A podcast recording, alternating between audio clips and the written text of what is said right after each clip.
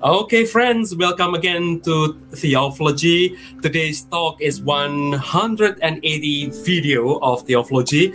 Adrianus and I, we are moderators of uh, Theology, are pleased to be accompanied by four distinguished guests with us. So let me begin by introducing our main speaker.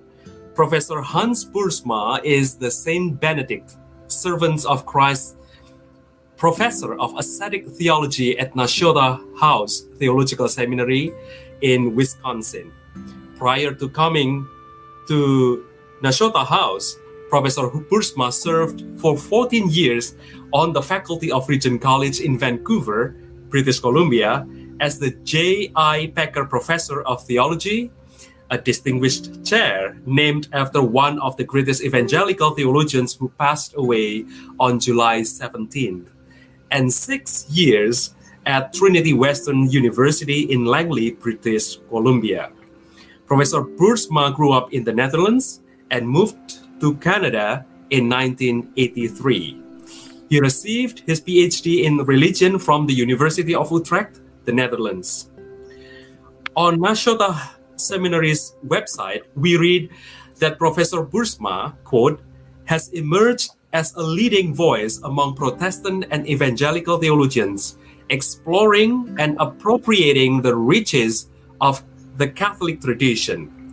Professor Boersma's interests range across a variety of areas patristic theology, 20th century Catholic thought, and spiritual interpretation of Scripture. In each of these areas, he sets out to retrieve the sacramental ontology of the pre-modern tradition. This retrieval or ressourcement of the great tradition's sacramental view of reality has been at the heart of his publications over the past 15 years. End of quote. Um, 14 years ago, when yours truly was still serving in a Mennonite church in Kudus, Indonesia, and Professor Boersma was, I think, new at Regent College, the young Mennonite pastor wrote to Professor Boersma telling that he was interested in learning about the theology of the Puritan preacher Richard Baxter, about whom Professor Boersma wrote his dissertation at Utrecht and published a monograph on Baxter's theology of baptism. 13 years later, on March 19, 2019, when yours truly sat in a doctrine and doctoral seminar class on Christian salvations at Fordham, at which the book Violence, Hospitality, and the Cross, reappropriating the atonement tradition was discussed. I wrote to the distinguished teacher and mentor again, asking about whether his position on soteriology, as described in that book, had shifted. Only within hours that day. He generously replied to my email, sending along the preface to the Korean trans- translation to the book, in which he clarifies his position on the doctrine of the atonement. Our topic today is his recent book, Seeing God the Beatific Vision of God in Christian Tradition, published in 2018, a volume recognized by Christianity Today's 2019 Book Award in the category of Theology and Ethics, and praised by the Orthodox theologian David Bentley Hart as theological reflection of the most illuminating kind. The eminent Orthodox theologian Andrew Louth wrote in the foreword of that book that Dr. Boersma is one man ecumenical movement. And the Dr. Mm. Boersma exploration are invariably careful, fair, and immensely illuminating. So we are pleased to have Professor Boersma with us at this session. Dr. Boersma, welcome to our channel. Well, thank you very much, Nindyo. It's great to be with you. Thank you for having me. Thank you.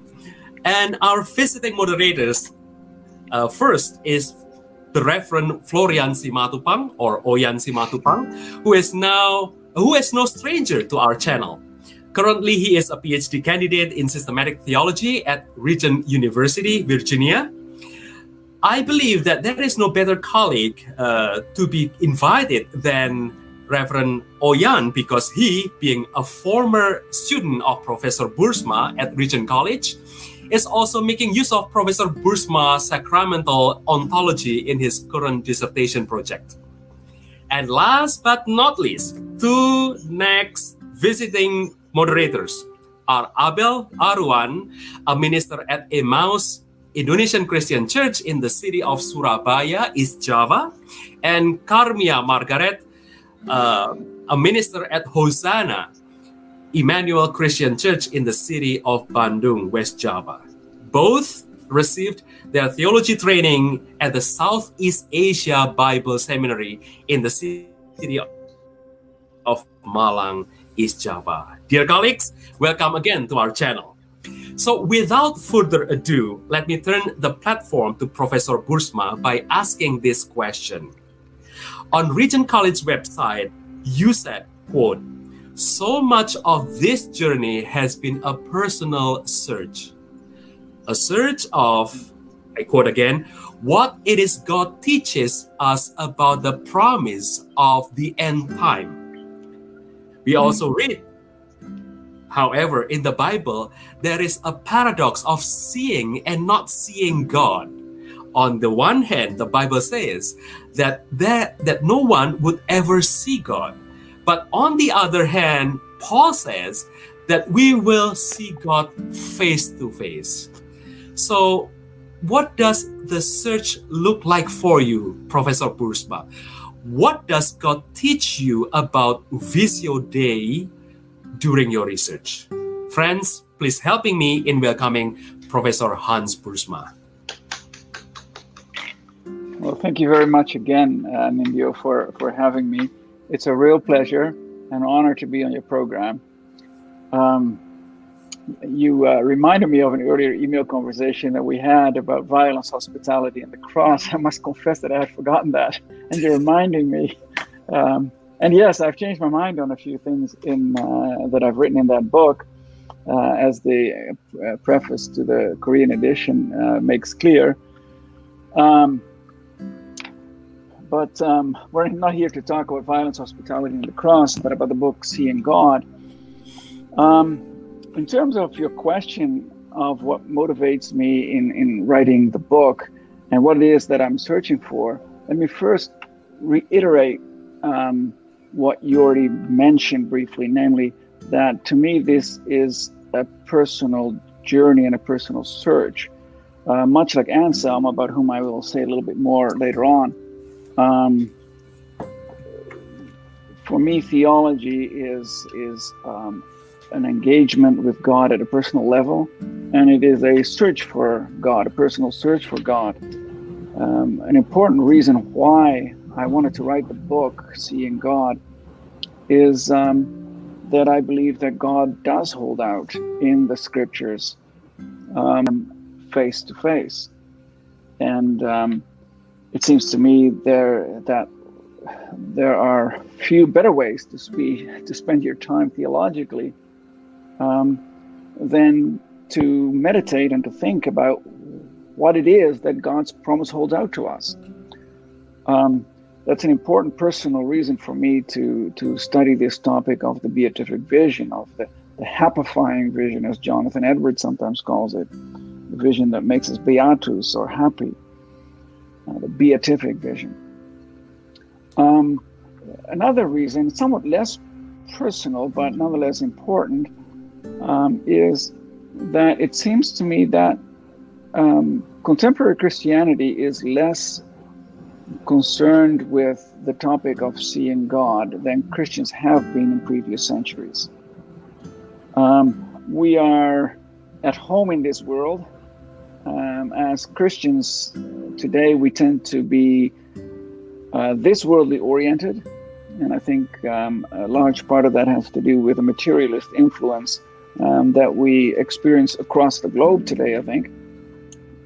And um, previous Christians in previous um, generations have much to teach us, I think, both about the end um, that Scripture holds out to us, that of seeing God face to face, and also about the implications that that promise has uh, for how we live today and for how we search the scriptures today.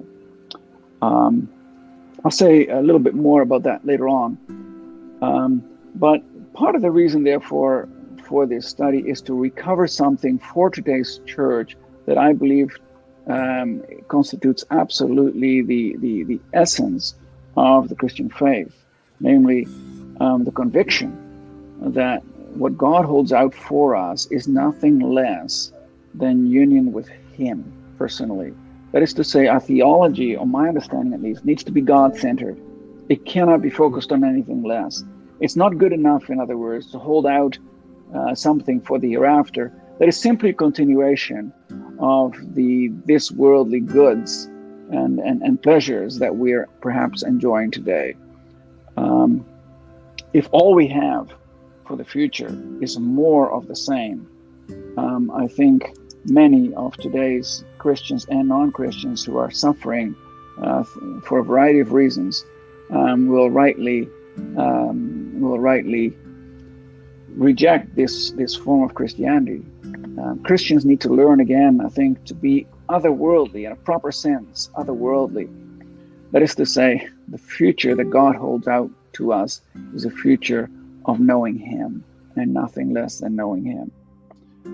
Um, now, if that is the end, um, then that end uh, embeds itself, that end of seeing God, that telos of seeing God, on my understanding, embeds itself already sacramentally in this world.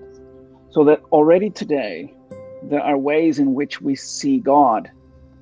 Um, now, the way we talk about ends is something that perhaps we should explore a little bit further. And the reason for that is that when you and I talk about ends today, um, particularly since the 17th century, since Francis Bacon and Rene Descartes, when we talk about ends, we talk about ends as, as things that we freely choose uh, for ourselves. Or when it comes to uh, inanimate objects or, or, or animals, they're ends that you and I impose on these on these things. Um, but for uh, much of the earlier tradition, ends or teloi um, are ends that, that pull us, as it were, that draw us. Uh, the language of final cause is important here.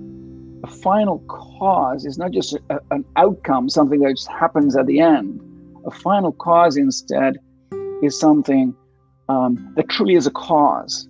It draws us the there's an appetite and thomas aquinas talks about both a, a, natural appetite for for all things that that are naturally geared toward uh, the final end that constitutes their identity.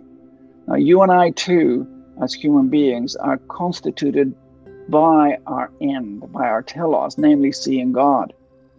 We have our true identity our true humanity uh, when we arrive in christ um, at the end, which God has constituted for us.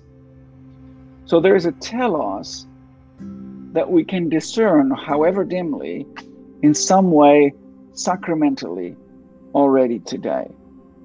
And the reason why that language of, of ends, and particularly the language of final causality, so that there's a natural pull, as it were, that the end has on us, that understanding of final causality is difficult for you and me today. Um, Francis Bacon, in his uh, 1620 book Novum Organum, uh, writes the following. He says, A final cause, the notion of final cause is, and I'm quoting him, is a long way from being useful. In fact, it actually distorts the sciences, except in the case of human actions. Francis Bacon's experimental uh, approach to reality, um, his so-called new science, um, doesn't know essentially what to do with final causality. Instead, um, for Bacon, everything has to do with um, analyzing the objects experimentally that we have in front of us. Rene Descartes, very similarly, although from a somewhat different perspective, but in 1641, in his Meditations on First Philosophy, he writes Since I know that my own nature is very weak and limited, whereas the nature of God is immense, incomprehensible, and infinite, I also know without more ado that He is capable of countless things whose causes are beyond my knowledge. And for this reason alone, I consider the customary search for final causes, search for final causes, to be totally useless in physics. There's considerable rashness in thinking myself capable of investigating the purposes of God. Both Bacon and Descartes, each in his own way, discounted the usefulness of the notion of final causality. Now, all of that may have helped um, natural investigation, uh, experimental sciences, and so on. But what it also meant was it, it constituted a break in important ways with the Greek and Christian traditions. It is a break essentially between the appearances of the things around us, the things that we access through with the senses, and the purposes toward which uh, they lead, toward which they naturally lead, according to the earlier tradition. A break, similarly, we could say, between the sacramentum, the outward appearance, and the res in Latin, the reality, their true identity, which is constituted by their end, their telos. There's a break between those things, between appearance and purpose or end, between sacramentum and res, sacrament and reality. The result of all of that is, for the theology of the beatific vision, the result of that is that it is no longer natural or at least we don't we no longer consider it to be natural to long for the beatific vision. There's no longer a natural desire for our end. We no longer have a natural rational appetite to use thomas's language we no longer have a rational appetite for the beatific vision instead we live in a world that is hermetically sealed off from its telos from its end we live in a world that we construct ourselves, and that is a world of pure nature, pura natura. And we've occluded, we've separated off anything supernatural from this purely natural world. Certainly, we have secluded any sort of secluded ourselves from any sort of supernatural telos. So, what should we do to recover um, the significance and the the the um, spiritual importance, especially of the beatific vision. Well, one of the best things you could do is is essentially to read Saint Anselm's Proslogium, a book that he wrote when he was still an, uh, the abbot in Bec in uh, northwestern France before he became the Archbishop of Canterbury. Um, and in that book, the Proslogion, he he constructs basically an argument for the existence of God. That's what the book is mostly known for. Now, I'm not going to talk um, here about the ontological argument, interesting though it may be, except for very briefly, for those of us who really need to know that argument, very briefly, the argument runs simply like this uh, there's a major premise, and the major premise runs like this: is like is this: God is, and then comes the definition of God. God is that in which nothing greater can be conceived. That's Anselm on God. That's his major premise. God is that in which nothing greater can be conceived. And then he has a minor premise, but it is greater to be in reality than just to be in thought. It's the minor premise. It's greater to be in reality than just in thought. From those two premises, he then draws the conclusion therefore, God exists in reality. God exists. There's this ontological argument. Now, Anselm, throughout this book, searches for this God. This God whom he rationally argues exists is the God whom he wants to experience, know, and see. He searches throughout the book by way of a sort of natural appetite, a rational natural appetite. I was created to see thee, he writes, and not yet have I done that for which I was made. Throughout the book, he engages in a prayerful search. He addresses God directly, he speaks to God. This is not actually an abstract, purely natural argument. What Anselm constructs in this book is a prayerful argument, a prayerful search for God. He aims at contemplation. That's the ultimate summit for which he longs. Contemplation in this life is a is a foreshadowing of the eternal beatific vision of God. In the introduction to the book, he writes this. It's a book that is is, is meant to be meditated upon. Anselm also wrote many prayers and, and meditations. And this book, like those prayers and meditations, is meant to be read slowly, uh, is meant to be read repeatedly, is meant to be meditated upon, just like we meditate on the scriptures. And so in the introduction, he writes this Enter the inner chamber of thy mind. Shut out all thoughts, save that of God, except that of God, and such as can aid thee in seeking him. Close thy door and seek him. Speak now, my whole heart. Speak now to God, saying, I seek thy face, thy face, Lord, will I seek. This is Psalm 28, 27, verse 8. And come thou now, O Lord my God, teach my heart where and how it may seek thee, where and how it may find thee. You see what he's setting out to do. He's searching for God. He wants, with the psalmist, with David in Psalm 27, he wants to see God. I seek thy face, thy face, Lord, will I seek. At times he seems, Anselm seems almost to despair of ever seeing God. There is this gap that we also see in hmm. modernity, or almost this gap that we see in modernity with Bacon and with Descartes, but on different premises for different reasons. And the reason for Anselm is a theological one. God lives, as um, we were reminded already by Nindyo in the introduction, God lives in unapproachable light. 1 Timothy 6.16. So, how can we see him?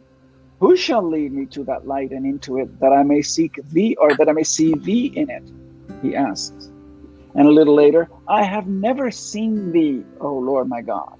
I don't know mm. thy form. What, O most high Lord, shall this man do, an exile far from thee? Anselm senses, experiences himself as far from God. He does not see God. God doesn't show his face, doesn't show his form. And yet, the gap between appearance and end, between sacrament and reality, is not a gulf, it's not a chasm. If the gap is not complete. Why not? Essentially, because the form of this meditation, of the proslogium, is the form of prayer. Mm. Anselm knows himself from beginning to end, dependent on God's revelation. We see only, we see God only, the light of God, only if God first shines on us. Anselm says again in prayer, Teach me to seek thee and reveal thyself to me. Again, a little later, give me, so far as thou knowest it to be profitable, to understand that thou art as we believe Anselm is dependent on God to come down to him, to show his light to him. And so he then gives his definition of God as that than which nothing greater can be conceived. It's not a purely rational argument about what God is like, who he is. Instead, what Anselm does here is he confesses that God transcends everything earthly and is ultimately incomprehensible. Therefore, we need divine revelation. We need God to stoop down, as it were. Anselm's reasons, the rational argument that he gives, are reasons that are constructed within the relationship that he already has with God. God is already, is already, in some manner, shining upon him, revealing himself to him, so that he, Anselm, as a believer, knows that he is longing, desiring for God, and thereby fulfilling his natural calling. The proslogion, essentially, you could say, from beginning to end, is a mystical handbook. It's a handbook that is meant, as, as, as Anselm himself puts it, to lead to the contemplation of God, ad contemplandum Deum. The goal, the purpose is the beatific vision. There's no pure reason here. There's no pure nature here. God's light, the divine light of revelation, always already, the end, the telos, always already shines into our lives so that it is from that beginning of, of experience that God gives to us, we can reach out and ask for God to reveal himself more clearly. Yesterday and today and tomorrow, writes Anselm, have no existence except in time, but thou, although nothing exists without thee, nevertheless, thou dost not exist in time or space, but all things exist in thee. All things exist in thee. For nothing contains thee, but thou containest all. You see, for, for Anselm, all of creation participates in God's being. Anselm is a deeply participatory thinker. And because and inasmuch as all creation participates in God, it participates in its end, so that the end already, in some manner, is present here and now. The ontological argument makes no sense except from within um, the experience of, of knowing that God makes himself present to all of creation, including to Anselm himself. But there is a deep underlying sense that Anselm worries in this book. It's not, not just worries, almost despairs of, of, of not being able to overcome his blindness. Um, within this relationship with God that he senses somehow is present, he prays for more light.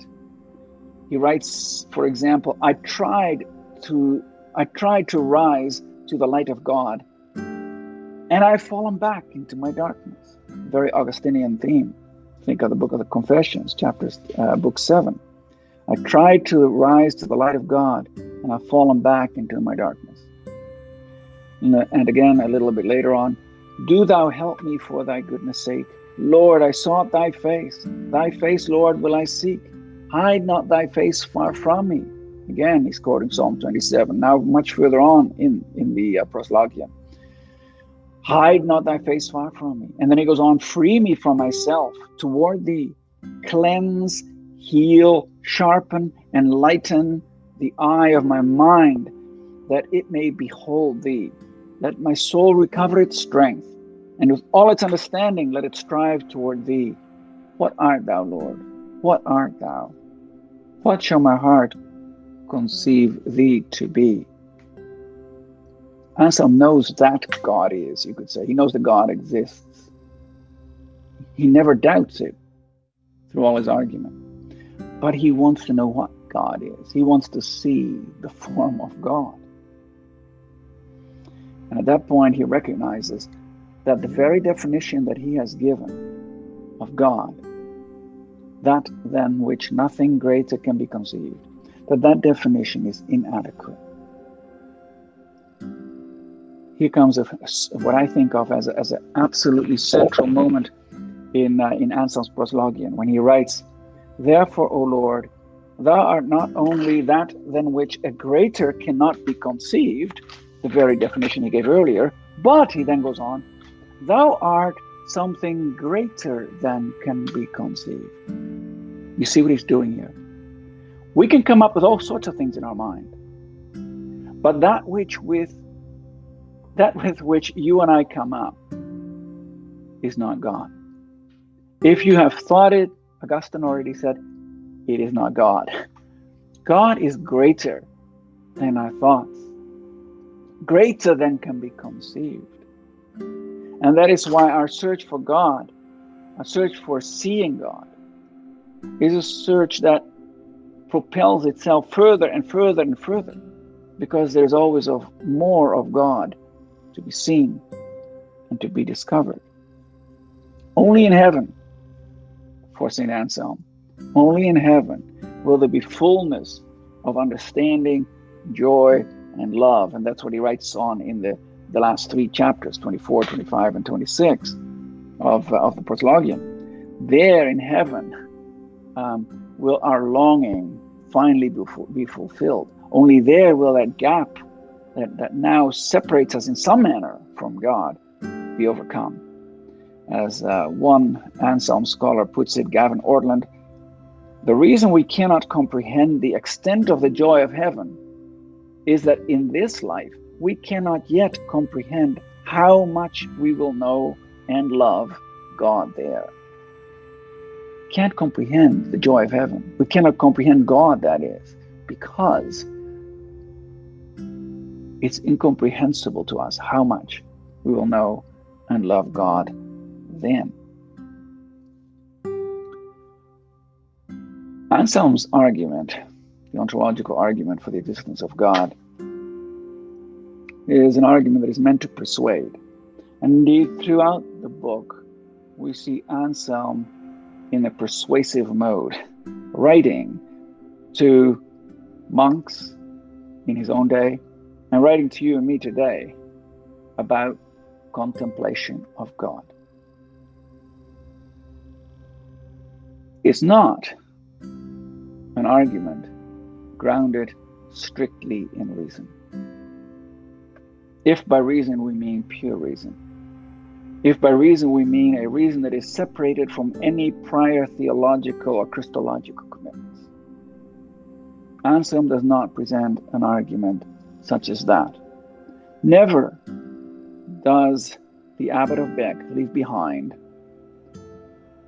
his love of God, his longing for God, his deep desire to know this God more and to know him ultimately face to face. He constructs a rational argument, to be sure, but it is an argument that makes sense only within faith. It is, as Anselm himself puts it, faith seeking understanding. And secondly, neither does Anselm move toward a more postmodern view that would see persuasion as pure rhetoric, as an appeal to pure aesthetics. Now, aesthetics are important. Beauty is important to Anselm very important, as we've already noticed if we've if we've listened carefully to the um, quotations that I've given to you from Anselm. Anselm is deeply concerned with harmony. Uh, in his uh, book on atonement, uh, Cur Deus Homo, his entire argument is structured around the fittingness, the, the, the, the, the harmony, the beauty of, uh, of, of a properly ordered universe. And Anselm's writing reflects that. Uh, beauty is important to him also in language. And he uses, therefore, just as he uses reason, so he also uses rhetoric to persuade.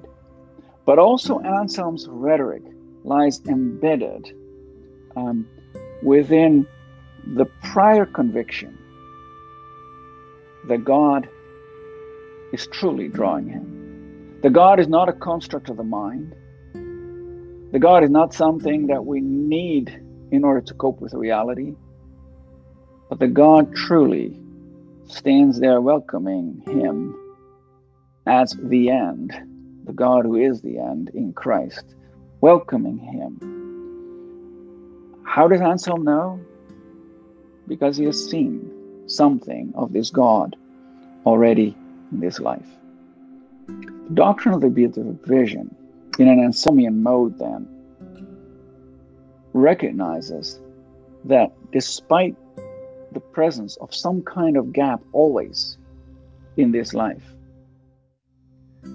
nonetheless, God Himself, the telos, the purpose, the end, is already sacramentally present in this life in a variety of ways, and we can talk more about that in the Q&A. But God already makes Himself present in a variety of experiences in this life.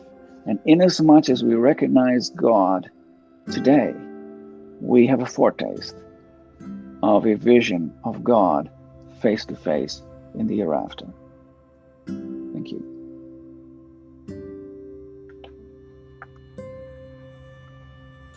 Well, thank you, Professor Boersma, for such a beautiful presentation, such an enlightening uh, for us, so that we have some broad overview of the first chapter of your book. Uh, thank you. I'm still curious, though, uh, about your trajectory because, as I mentioned earlier, you wrote uh, on Richard Baxter, and now you came to the more platonic uh, notion of reality or theology. Uh, would you mind uh, giving us uh, some explanation about the trajectories that you have gone through yes, to this of course. Um, yes, I wrote my dissertation on Richard Baxter on the doctrine of justification in, in Richard Baxter. Um, and um, it's true that um, in most of my subsequent writing, um, I've I've moved away from the Puritans, and I've uh, engaged more the um, patristic and medieval traditions, especially the patristic tradition. And um, to cut a long story short, um, the the reason is that when I started teaching theology at Trinity Western University, um, I discovered Nouvelle Theologie. I discovered the, the new theologians, Catholic theologians of the mid 20th century, in particular uh, Yves Congar um, and his writing on tradition, and Henri de Lubac and his writing on patristic and medieval exegesis. What Congar taught me was that uh, is that um, scripture and tradition um, are interrelated, are interwoven, and that they cannot be separated, the one from the other. Uh, that was a blow to my Calvinist convictions, even though Congar was somebody who had a lot of sympathy in some ways with, with the Protestant tradition. Um, and it made me re re-look at the tradition and take the tradition more seriously. Um, de Lubac was particularly an eye-opener, even more so than than Congar for me.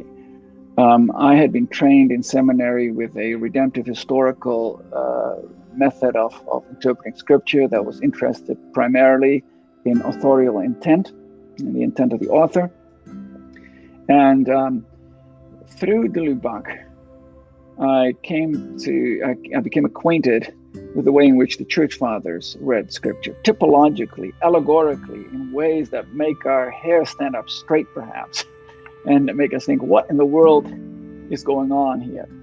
Uh, I made a decision fairly early on that these church fathers are at least were at least as bright as I am, and I cannot simply ignore them or, or, or read them just out of historical interest. I, I have to take them seriously.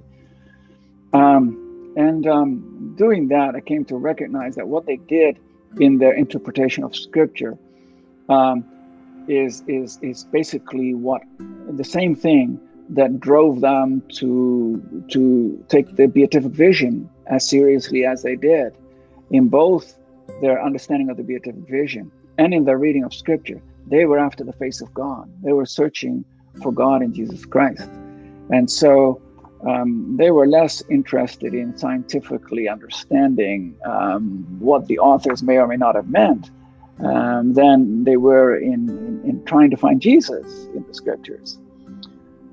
Um, allegory is basically, on my understanding at least, allegory uh, properly done is basically uh, looking for the other allos, for the other meaning, that is to say, for the Christological uh, meaning and implications of, of the biblical text.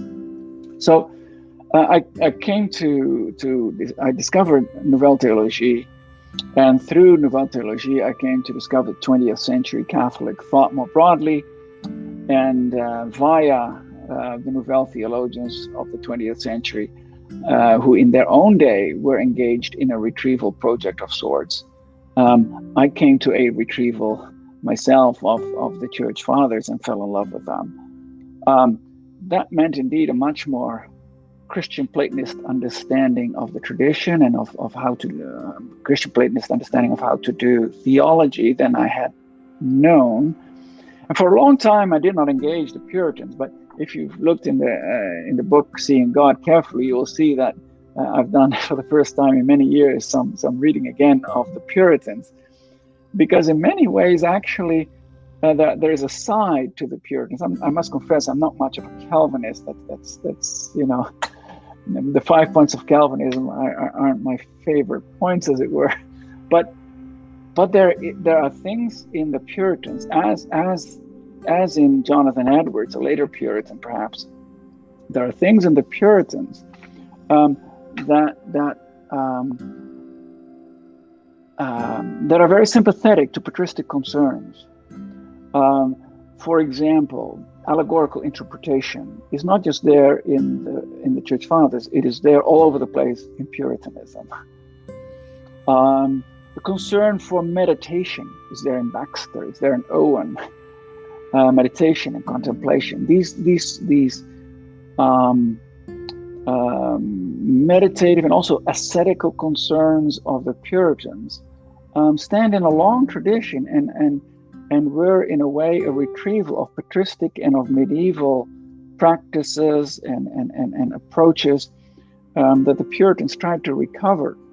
Um, the, the centrality of the doctrine of the beatific vision in the Puritans is is one aspect, I think, that fits with this Christian Platonist vision of reality, this sacramental vision of reality. Um, one aspect that um, the Puritans um, have in common with the Church Fathers. Uh, in some cases, they take it directly from the Fathers. Sometimes um, it is a mediated, um, mediated presence of these of these themes in the Puritans. Um, but reading and rereading um, uh, people such as Thomas Watson, Isaac Ambrose, John Owen, and so on for this book, Seeing God, was an absolute delight. It's in some ways like you're reading the Church Fathers. Fascinating. Uh, related to that question, before I turn uh, the time to my colleagues here, uh, Arvin asked, uh, about your book, the Oxford book on sacramental ontology and nouvelle theology. What distinguishes your sacramental theology from the views of the ressourcement thinkers? Yeah, thank you for that, Arvin. Um, I'm not sure that it's that much different, really. Um, maybe the best way to put it is that what I tried to do in seeing God um, is to apply the, the, the sacramental ontology that I'm convinced lies at the heart of Nouvelle Theologie, to apply that to the beatific vision. My sacramental understanding of reality, participatory ontology, sacramental ontology, whatever you want to call it, is deeply grounded in Nouvelle Theologie, and in particular, I would say Henri de Lubac. I, I, he's, he's, my very he's my favorite of the of the Nouvelle theologians um, is, is deeply grounded in them. Um, and the way I talk about teleology, um, I have I don't take that directly from the Nouvelle theologians, but as I came to think of the beatific vision and, and of how to understand the beatific vision sacramentally, I recognize that that you have to understand it or, or construct it or whatever, you, whatever term you want to use. You have to understand it um, as in terms of the relationship between sacrament and reality, sacramentum and res. And and you have to again join together, just as the Nouvelle theologians were concerned to do. You have to oh, join together again nature and the supernatural. Well, how do you do that with the doctrine of the beatific vision? Well, you think of what we experience here in this life and what we will experience in the hereafter. And then how do we navigate that quote unquote gap that I talked about in the introductory notes, in introductory comments? And the way to do that, I think, is to say, well, the end is already present. So we need to recover an earlier understanding also of teleology. That's not something, to my knowledge at least, it's not something that the that the uh, Nouvelle theologians themselves did. But I think that what I'm doing in this book is, is in line with with um, with their understanding of reality. Thank you. The floor is yours, our friends. All right. Any questions? Uh, from the yes. moderators? Please. Okay. so, um, uh, uh, yeah, I want to first of all share a testimony uh, that I shared to uh, Nindyo earlier to the audience as well.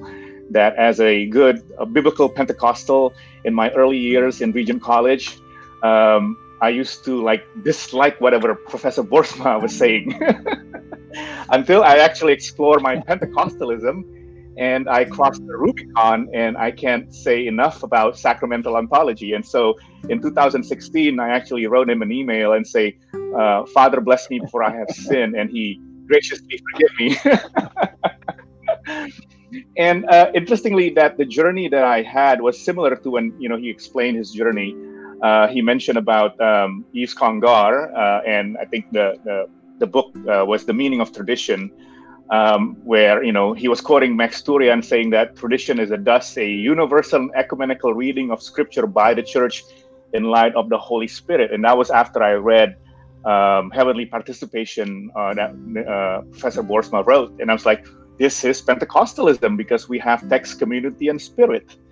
And so um, that's where the journey begins. And uh, if there were ever going to be a the theology of Hans Boersma. I hope I can contribute to that one day.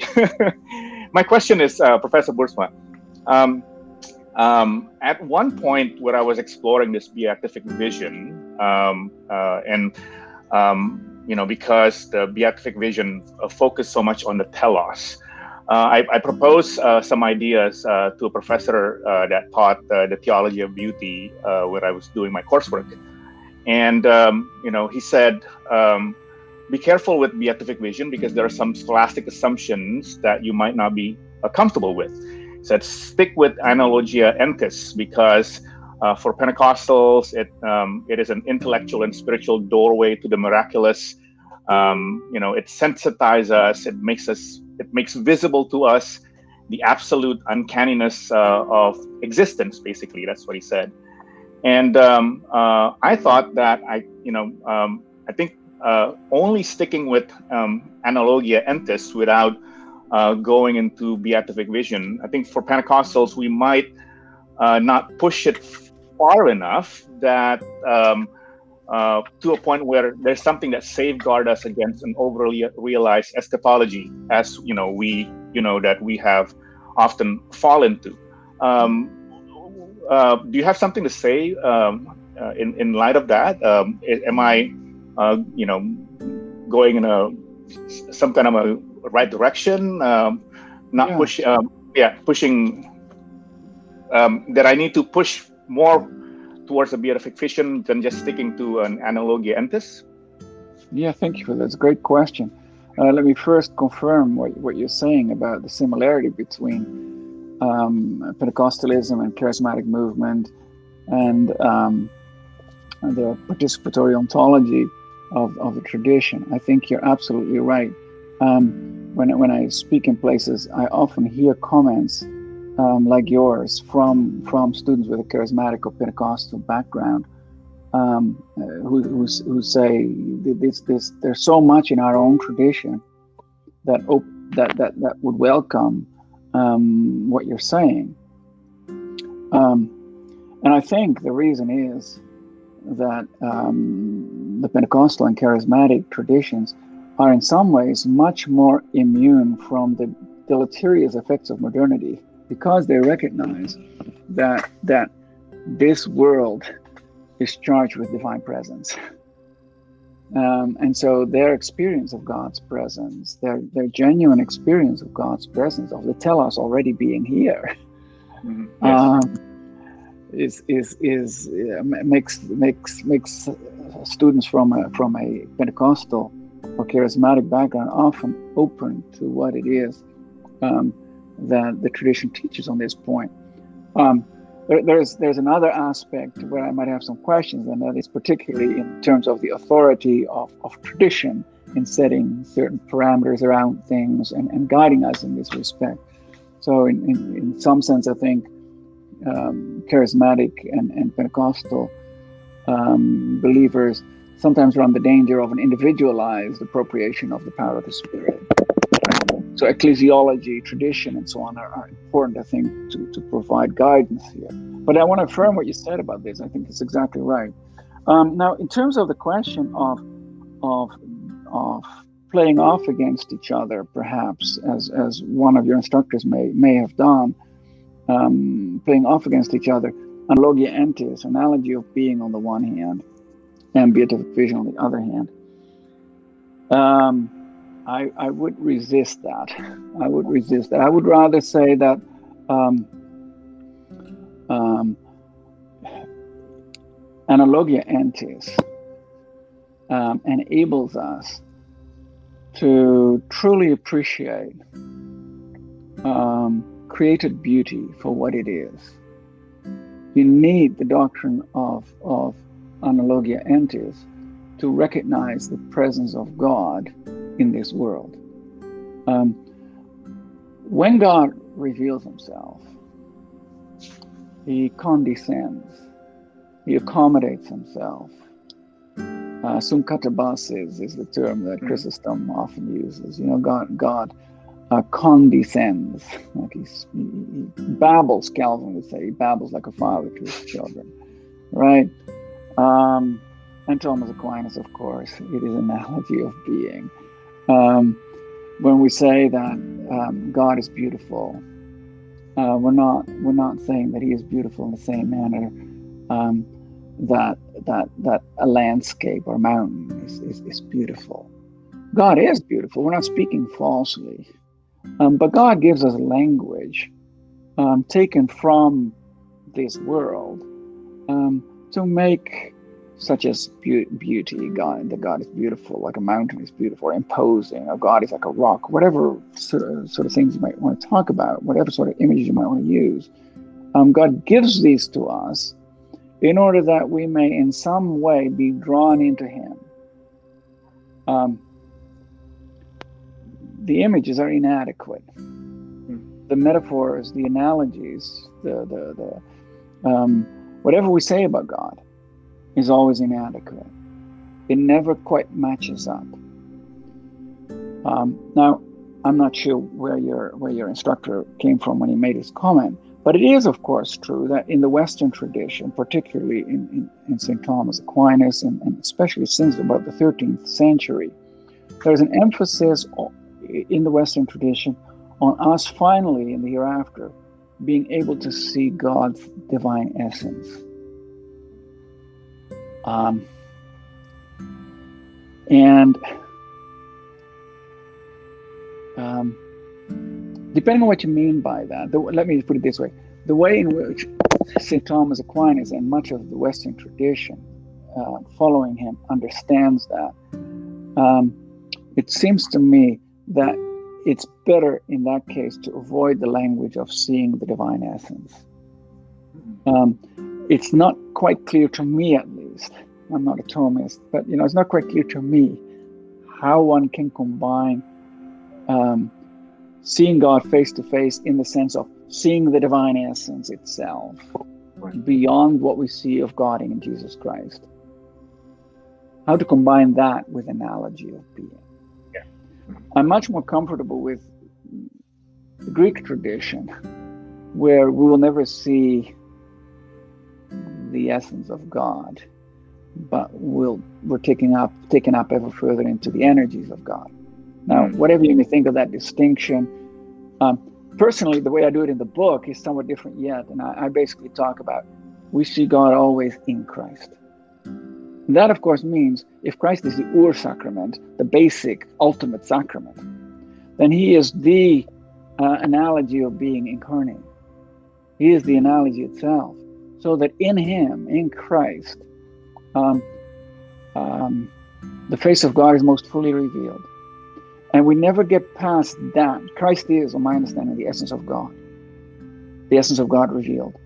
And the, the more deeply we enter into Christ, both here and in the hereafter, I'm drawing here on St. Gregory of Nyssa, the more deeply we enter into God, into, in, into, into Christ, um, the more we come to know God's love and God's mercy in Christ, um, the better we understand and the more we come fall in love with the essence of God. Um, and for Gregory Nyssa, that's a never-ending journey. Also in the hereafter, it's a never-ending journey. I, I, it's not like Thomas Aquinas is not attuned to the creator-creature distinct, distinction, um, but it just seems to me that the some of the early fathers, especially the Greek fathers, um, uh, maybe articulate that a bit more carefully. And I don't know if that, that answers your question fully, but. Oh, yes, yes, indeed. And I got the chills, the Pentecostal chills, just listening to it. so thank you for that. Yeah, and uh, I'm sorry. yeah. Oh, that's a new word for me. And, and, and cool. well, Professor Boersma, related to uh, what Oyan just asked you, uh, Ezra Iskander, who is your former uh, student, um, says, um, "What to what extent does Eastern Orthodox tradition shape your view yeah, of sacramentality?" interesting. Um, not, not so much directly. I mean, I suspect that indirectly, Alexander Schmemann's book for the life of the world um, has influenced me, although um, you know, I read it many years ago, but I don't know that it was a book that immediately deeply impacted me, although I love the book. Um, it's not so much Eastern Orthodoxy as it is, I would say, the fathers, and especially the Greek fathers. Um, and when I when I wrote my book Heavenly Participation, which is perhaps the book that most people read when they read something of me, um, when, when when I wrote that book, I did not draw on Eastern Orthodox theology. I drew on 20th century Catholic theologians, on Nouvelle Theologie. And interestingly, the, the Nouvelle theologians themselves drew both, especially on the Greek fathers. Um, they were the ones that, that they translated and worked with, especially. Um, and um, they were interested in Orthodox theology. Congar was interested, for example, in dialogue with the Orthodox. Um, there is, I think, a desire, or was a desire on the part of Nouvelle Theologie to go beyond medieval scholasticism. Uh, there was also an appropriation of Thomas, to be sure, but nonetheless, they wanted to go beyond medieval scholasticism to the earlier fathers in order to bring back together nature and the supernatural. The kind of bifurcation that I, I think you begin to see somewhat already in Thomas Aquinas, but that you especially see later on in, in, in the late Middle Ages and, and in the subsequent period. That kind of a bifurcation of nature and the supernatural is just not there in the in the Greek fathers. Um, so yeah, the influence was really indirect. It was via via Nouvelle Theologie and, and, and via the early early uh, theologians, the early fathers, and not so much Eastern Orthodoxy. Although when Eastern Orthodox people read my book Heavenly Participation, they always wonder why I'm not Eastern Orthodox. Um, uh, and and it's true that I'm I'm probably um, theologically quite close and quite I feel quite akin to an Orthodox spirituality and Orthodox theology. Yeah. Let me turn now to the folks in the studio. Uh, any one of you, Carmia or Abel or Adrianus. Oh, I wanna, I wanna uh, question. Uh, the thing you you you have you have mentioned uh, about uh, inadequacy of analogy or metaphor.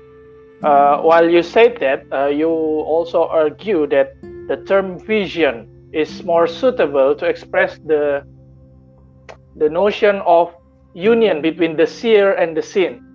Uh, but comparing this to uh, Jean-Luc Marion saturated phenomenon, especially the ways in which human beings we approach reality. Professor Marion said that uh, there is a possibility of uh, reducing the reality itself when we approach the reality with intention. Uh, through this, we remember uh, the theory the theory of intentionality by Edmund Husserl. Um, the more we approach the reality with intention, the more reduction will happen. And uh, if we encounter the reality without any intention, we will receive a saturated phenomenon from the whole, or namely, uh, the total version of reality. So, in my opinion, uh, this can be one of the inadequacy of the term vision, because uh, we, when we imagine a picture, the the form of or the anything related to vision, vision or vision about anything about friendship, uh, eating ice cream, or any form of enjoyment, we gain the risk of reduction from the its beatific uh, realities. So, uh, why did you not choose embodiment rather than vision? Because, in my view, embodiment can also emphasizes the notion of union between us and the reality which we approach. Uh, how is your take on this? That's a great question. Uh, it's a broad question. Why not take embodiment? Um, um, one can. I mean, I, I, the term embodiment, I think, is, is a bit of an abstract term. It's, it's fine to use it depending on the context. But sexual union, I think, marital union, is, is, is a metaphor that scripture often uses. You think of the Song of Songs, basically from beginning to end. You know, you, you, you could understand the entire biblical biblical narrative as, as, as, as a um, as uh, an elaboration on God's pursuit of his bride and the bride's um, pursuit of the lover, or sometimes turning away from the lover in, in sin. Um, so, yeah, the, the uh, sexual union and knowledge of God um, through through through this thematic of, of, of marital union, of sexual union, is, I think, important. Is there throughout the Christian tradition particularly through allegorical interpretation of the Song of Songs. And I think it is it is crucial. The notion of union with Christ or union with God, um, sexual imagery there, I think is is, is important. Um, when I when I um, talk about um, vision being central, uh, I'm taking it as one of the five senses and in the Christian Platonist tradition, vision is, is usually seen as the most significant, as the apex of, of, of the five senses. And uh, if you if you read carefully in the book, when I when I highlight um, vision, I highlight it um, in order to to to um, exalt it, as it were, above speech. Where I say speech, well, certainly also it is important in Scripture. Um, perhaps through the Reformation in particular, um, it has been somewhat one sidedly um, placed on a pedestal. Uh, the earlier Christian Platonist tradition saw vision as crucially important. Um, and um, and the reason is precisely the one that you indicate in your question, namely that vision has to do with union. Just as sexual union speaks of, of the union between husband and wife. So, vision, according to the earlier Platonist tradition at least, unites the subject with the object. Um, something that, that hearing, speech and hearing, um, doesn't quite do. Um, now, the question of, of intentionality, I think, is, is a difficult one, but it seems to me that you cannot do without intentionality.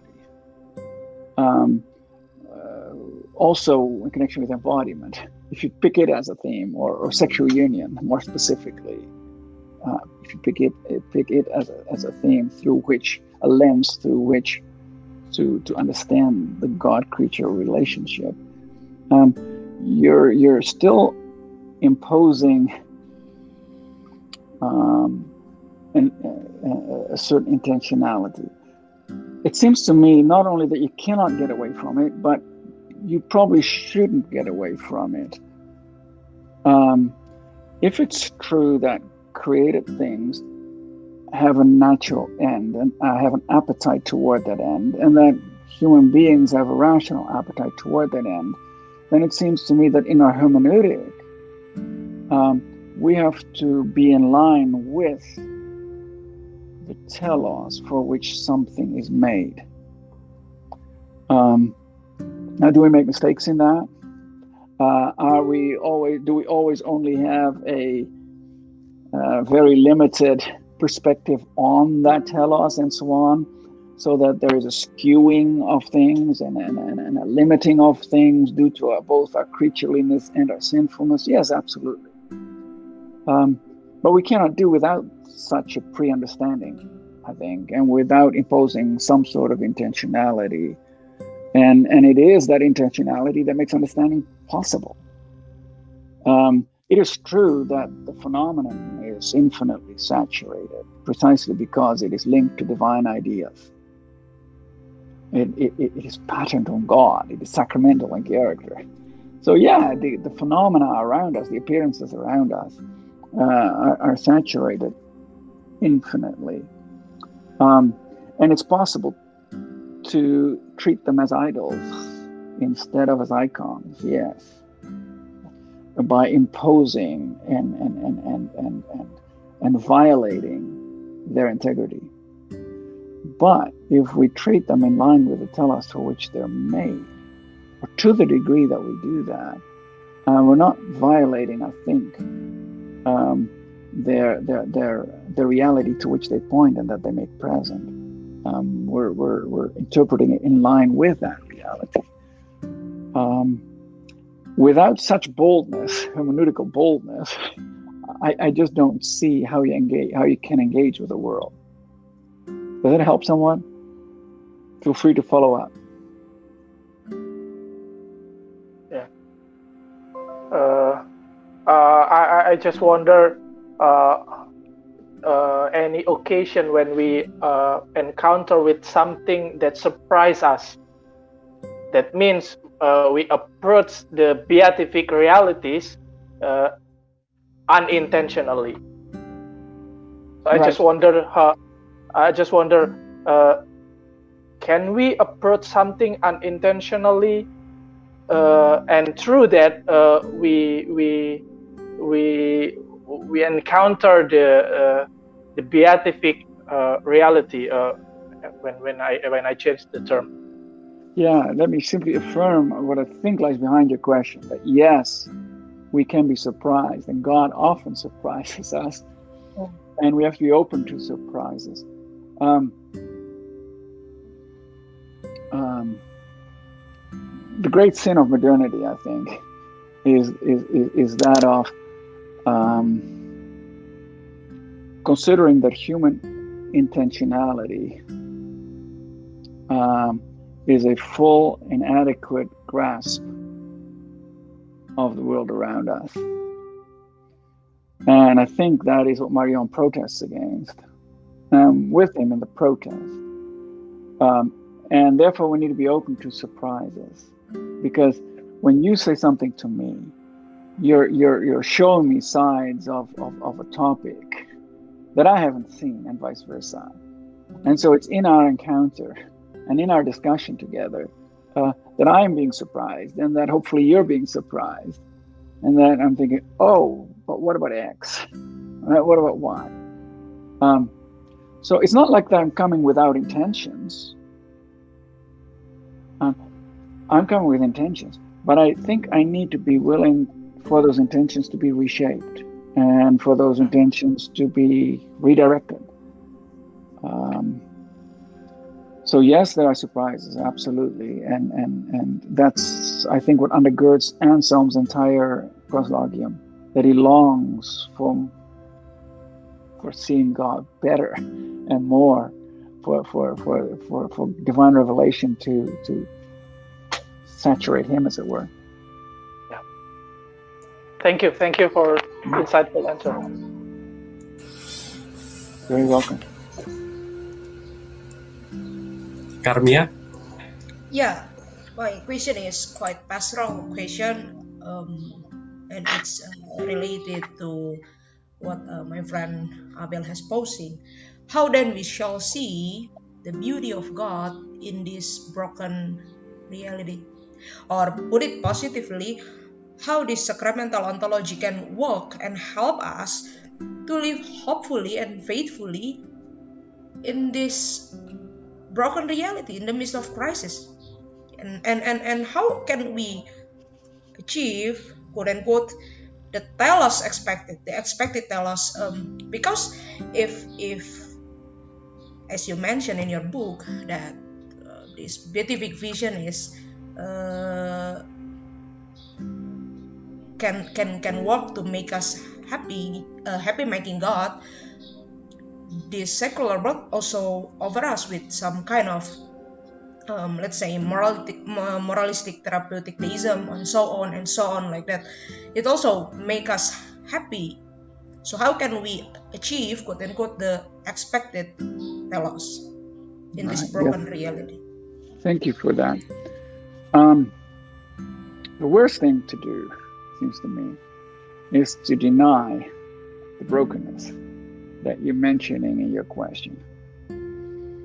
Um, it simply won't do to say, um, if only you look better, more clearly, you'll see that everything fits together just perfectly.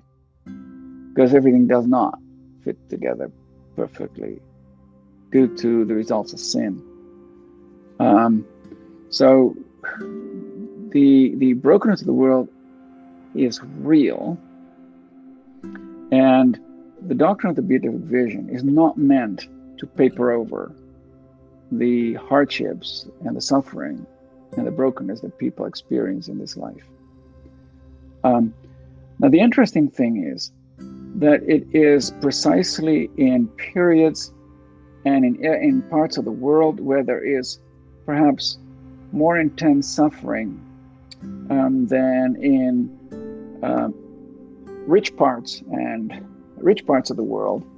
It's in it's in in, in periods of suffering and in, in, in, in times of poverty, and it is in parts of the world where there is a great deal of, of hardship. It's often there that Christian Platonism um, finds fertile root.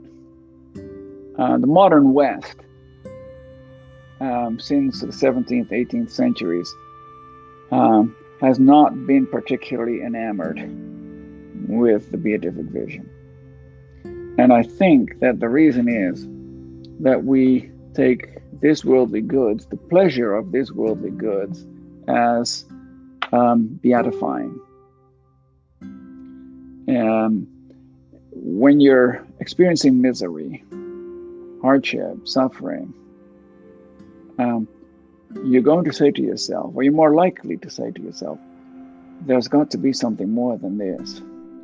There's got to be something more than this. And the gospel teaches us that that is exactly right. There is something more than this. There is a quote unquote otherworldly reality that is waiting for us. Um, in the book, I try to um, walk a tightrope, as it were, between, on the one hand, um, saying the vision of God is something we already experience here now. It's already here. Because of the natural desire, because of the linking of nature and the supernatural, etc. That on the one hand. And on the other hand, also recognizing but this promise of 1 Corinthians 13, verse 12, that we will see God face to face. Means there is um, that God holds out something to us that we do not yet experience, at least not in the same manner or to the same fullness. Um, and so the beatific vision, I think, um, does two things. in line with the, on the one hand, what it does is it opens our eyes, hopefully, as Christians. It opens our eyes to the many good things, the many good gifts that God gives us, and in which we see Him present. In the midst of our difficulties, sufferings, hardships, hopefully, we will have the faith to say, and yet I see God. He is not far from me. And, and this is in line with the on the other hand, at the same time, what the doctrine of the beatific vision does, I think, is is to say to us, um, um, the redemption that Christ has wrought um, is only partially here, and and we are going to be taken up in Him in a way that we are not yet today, so that the beatific vision, the happiness uh, that you mentioned in your question, the happiness of the of the beatific vision, is something that will in no way be lacking when we see God in Christ in the hereafter. So those two things together, it seems to me, we all need to have that, but especially when, when we're in hard in periods of hardship or whatever kind of suffering we're experiencing. Um, think of Bonaventure. I had, I had, a student do a thesis on on on several of uh, Bonaventure's um, meditations, and um, he writes a lot about suffering. And in the midst of his suffering, he always points to Jesus Christ and to the answer that Jesus Christ provides. And it seems to me that we can't do any less today.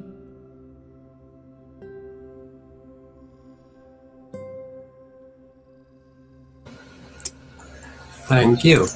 Professor Boersma, there is a question from Liverpool 9 fan. Uh, do you think modern Christians have misunderstood the meaning of participation? For Owen Barfield, pre-thinking state of consciousness is crucial to be able to proper participation. Yes. By the way, can I add a question because I think it's related to this question, Professor Boersma? So what I want to ask, I think when we talk about participation, uh, it's very close to the concept with Neoplatonism, I guess. And when we talk about Neoplatonism, I guess it's very, and we talk about the God and the world relationship, I guess it's uh, more close to panentheism, I guess. So, so what, what I want to ask uh, is when we talk about like sacramental ontology, is panentheism more preferable? I mean, rather than classical theism or not? Yeah, I think it's related with this question. I just wondering. Yes. Yeah, thank you very much. Thank you. Um, yeah, Owen Barfield wants to save the appearances. Um, and um, I'm very much with Owen Barfield on in his recognition that it is not just um, rational thought that um, that allows us to to participate in the life of God.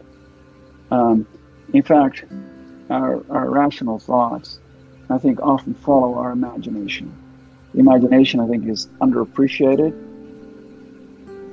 Um, and the romantics, I think, were generally right in um, insisting that um, there is something pre-thinking, um, a, a, mode of apprehending reality that does not that does not um, simply come as the result of, of rational, analytical uh, modes of, of, of, of, of apprehending reality. Um, as to how this or how this ties in with participation and the question that you're raising about about panentheism. Um, I'm always a little nervous when the topic comes up um, because when you affirm panentheism, people immediately think Hegel and think of, uh, of a mixing of, of, of, of, God becoming through the historical processes of this world and so on. And um, I, I, don't want to go there.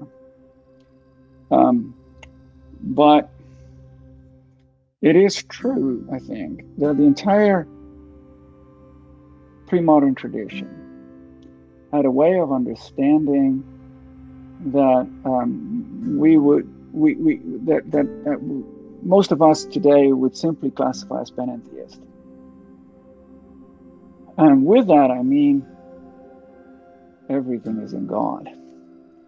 I'm not saying, I'm not denying divine transcendence with this. What, what, what modernity does when it veers to panentheism, it immanentizes God and it tends to obscure his transcendence. It, it basically mixes God with creation so that God becomes part and parcel of a world of becoming. Um, we see that in, in, in 19th century uh, Hegelianism, we see that in 20th century process thought. Um, but the great tradition speaks as strongly about God's presence in this world, or rather, our presence in God, as these modern thinkers, as do these modern thinkers, without, however, losing sight of divine transcendence. There's an apophatic side to the great tradition that safeguards divine transcendence. It seems to me that you cannot and should not shy away from panentheism, properly understood. Namely, um, God stoops down in Jesus Christ without losing. In, and that is to say, he takes on human flesh, he assumes human flesh without um, losing his divine transcendence. And that combination of transcendence and immanence, I think, is is is is important over against a a view of God as a being in the clouds, as it were, God who is above the clouds as a be one being among many beings.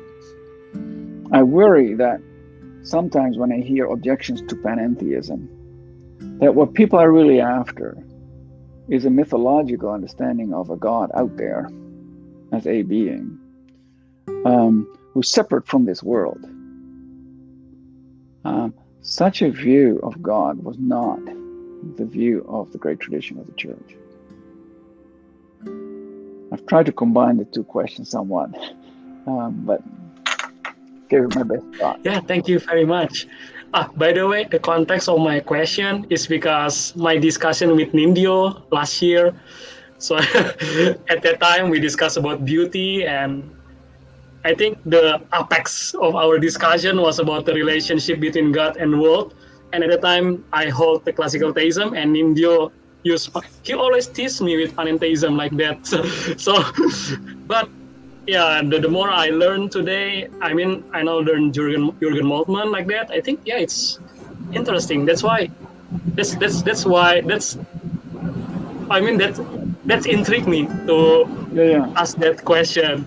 So Nindyo, you won. Okay. yeah, I, I, I wouldn't necessarily go. With, I wouldn't necessarily go with money in view of this. Um, but but you know you could read Maximus the Confessor, and I think you get an awesome understanding of the, of the creator creature relationship. Oh, that's interesting. Yeah, Thank you yeah. very much. yeah. Okay. Thank you.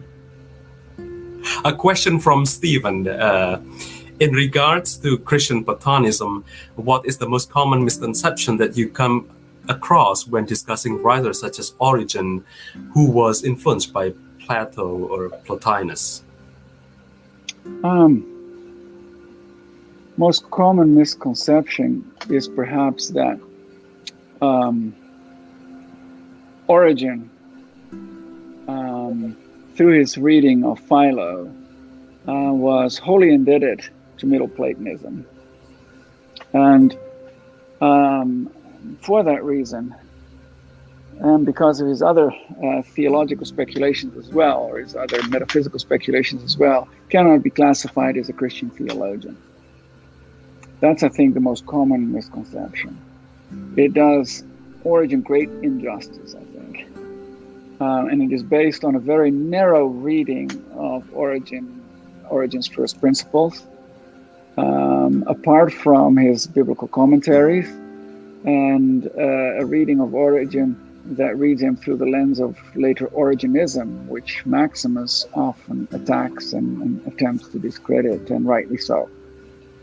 Um, in other words, um, we, we, when we're afraid of the Hellenization of Christianity, uh, we, we look at Origen as the black sheep, as the one who introduces has introduced to the Christian tradition much of this Hellenization of, of the faith. It is Origen who has um, um, uh, failed, basically, has failed to read the scriptures uh, Christologically. It is Origen who has failed to um, um take divine revelation as central to his theology. And it is Origen who has a far too optimistic view of what it is that humans are able able to come up with by means of human reason, uh, and in particular by way of borrowing from from the Platonic tradition. Um, I think uh, it's Robert Wilken who, in his uh, great book on on seeking the face of God, I think it's called, I remember well, um, uh, makes the comment that it's it's time for us to put aside the unhelpful notion of uh, of uh, Hellenization of, of Christianity and begin instead to speak of the Christianization of Hellenism. Something to that effect. I may, I may not quote him exactly, but he, he says something like that. And I think that's right. Um, did Origen read Philo? Yes. Um, does he rely on Philo? Yes. Does he allegorize like Philo allegorizes? Yes. Um, what motivates Origen to do this? Um, it's his Christian convictions. In other words, Origen was first a theologian and first a Christian thinker before he started borrowing from elements of the Platonic tradition. Um, there are reasons, I think, why Origen and the early church more broadly is open to um, to the Platonic tradition. What allegorizing did for, Ori- for Origen is it allowed him to read the scriptures Christologically. Um, Origen wanted to read the scriptures sacramentally. He wanted to find Christ in the Old Testament scriptures. And therefore he allegorized them. Now, does that mean that we have to read the scriptures in the exact same way that Origen did and allegorize in the exact same manner that he did? No, I don't think so. And I don't think Origen would expect us necessarily to do that uh, because he didn't believe that there was just one right interpretation of any given biblical text. But what he would want us to do is to adopt the kind of sacramental sensibility that he has, to adopt the kind of participatory metaphysic that he has, um, at one point in his in his commentary on the Song of Songs, he has has an extended, uh, fairly extended defense of allegorizing. And what he does is, before he talk, talks about allegorizing at all, he, he, he has an extended section on on metaphysics and talks about the relationship between this worldly things and otherworldly things how they how, how we are how we are to understand that relationship. And then he one, only once he has done that and he explains of course explains this all of course in a, in a thoroughly participatory manner only once he's done that does he then talk about the relationship between old and new testaments or rather between the old testament and the christological fulfillment. Um, i think de Lubac in history and spirit I mean, he, he, really, his book on Origen is really the answer to the charge of, of Hanson and, and, and others, and even Daniel Lu, de Lubac student. Yeah. Um, the book, History and Spirit, is the answer, I think, to these kind of common charges that Origen would be an unreconstructed um, uh, Middle Platonist. Um, Origen, I think, is a biblical theologian through and through. Um, does he use metaphysical, Platonic um, frameworks, um, uh, modes of exegesis, all of this. Yes, he does. He does. Um, but I think we might just want to ask the question whether it is possible for us today to read the scriptures fruitfully. That is to say, with proper use, as Gregory of Nyssa would put it, proper opheleia, usefulness, um, without such a framework. Um, and my submission would be that no, you can't do it.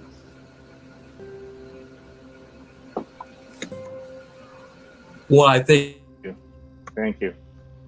Uh, the time is almost up, but if you can still have uh, some minutes with us, Professor Boersma, there is one last question, I think, from uh, Chandra Wim, from Professor Wim. Um, My thesis advisor as well. okay, yeah, and, and great. And he is asking you uh, two questions, but I think this is a more interesting question. So let me put the second question first from uh, Mr. Wim. Uh, can one affirm, if not most, of your conclusion on sacramental participation and beatific vision uh, without Neoplatonic metaphysics? Um, well, I, let me put it this way. Um, if, if you do affirm all, perhaps most, at least most, of my conclusions on sacramental participation and beatific vision without any Platonic baggage, go for it. I mean, you know, um, toss Plato in the garbage can, Plotinus as well, and read scripture um, the way that I'm advocating advocating in uh, in my book Scripture as Real Presence, and the way that I'm advocating in my book Seeing God. I mean, that's what it's about theologically, after all. And I've insisted already earlier in my defense of Origen. That's what drove Origen, and that's what drives my thinking for sure. The Christological and the theological presuppositions of all of this, not Plato or Plotinus primarily. Now, having said that, it, it, it, I get this question, I get asked this question often, and it, it, it remains a puzzle to me why someone would want to accept everything I'm saying about sacramental ontology and, and everything else, beatific vision, in this sacramental participatory manner, and then throw out Plotinus and Plato, especially Plotinus, who gives us methexis participation, and, and, and who gives us who gives us much of a framework to articulate this metaphysically. Mm. Now, it is important to, to to uphold scripture as, as the primary authority, of course, and to begin with Christology and with theology and not with Plato. In that sense, we can't simply be a Platonist and a Christian at the same time. You can't be a pagan and a Christian at the same time you must be a Christian. But, but there is every reason uh, why the early fathers and the subsequent tradition were so enamored with elements, not with everything, but with elements of Neoplatonism. Um, and that and, and, and the and, and the, the question, the one who the, the person asking the question already gives me gives the reasons for it. The reasons are that they want to articulate a way of doing exegesis, that they want to articulate an understanding of the creator creature relationship, that they want to understand an understanding of the telos that is participatory in character. And, and if you don't use Platonic tools, what else are you going to use for it? Um, you're going to need some kind of metaphysic to articulate this. Um, and and and uh, I, I, just don't know how else you would do it. one more comment about this, maybe, and that is undergirding this question. Sometimes I, am not sure. I'm, I, have met the questioner, I think, once upon a time in 2015 at Wycliffe, but I don't really recall who he is, I'm afraid. But sometimes the, the background to this question is all we need is the Bible, and we don't need anything else. We don't need the tradition that, that to govern our interpretation of the scriptures. And I think that's where sometimes the nervousness, especially among evangelicals, it's where sometimes the nervousness comes about this Platonist bit of things. And, and what I would say to that is you cannot uphold the authority of Scripture, which is so dear to you. You cannot uphold it without also accepting the tradition and the trajectory that the tradition has taken over time um, in interpreting those scriptures. Um, the tradition is authoritative. And uh, the tradition has taken, as Joseph Ratzinger puts it well, has, has taken the trajectory of, of these two streams, the Greek tradition and the biblical tradition, coming together. And it's this, this synthesis in the Christian faith um, that is that we, we can't go back on. It's not as if I am just receiving the scriptures today, reading the Bible for the first time and trying to make sense of it for, for the first time and doing this by myself. No, I, I can only do that by faithfully standing within the tradition hmm. um, that has handed to me these scriptures.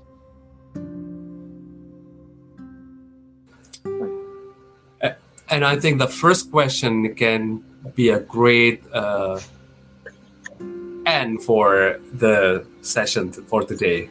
And, and can I add to that question, which is related? Uh, sure. What do you? What, what also do you? Because it's uh, the opposite direction of the question that is posed. Uh, what do you say to people who say that what you're doing, because you're coming from a Christian Reform background, uh, doesn't um, elucidate uh, Reform theology? It actually obscures and denies them, as some like some uh, uh, uh reviewers says of your book. Right, right, right. Um,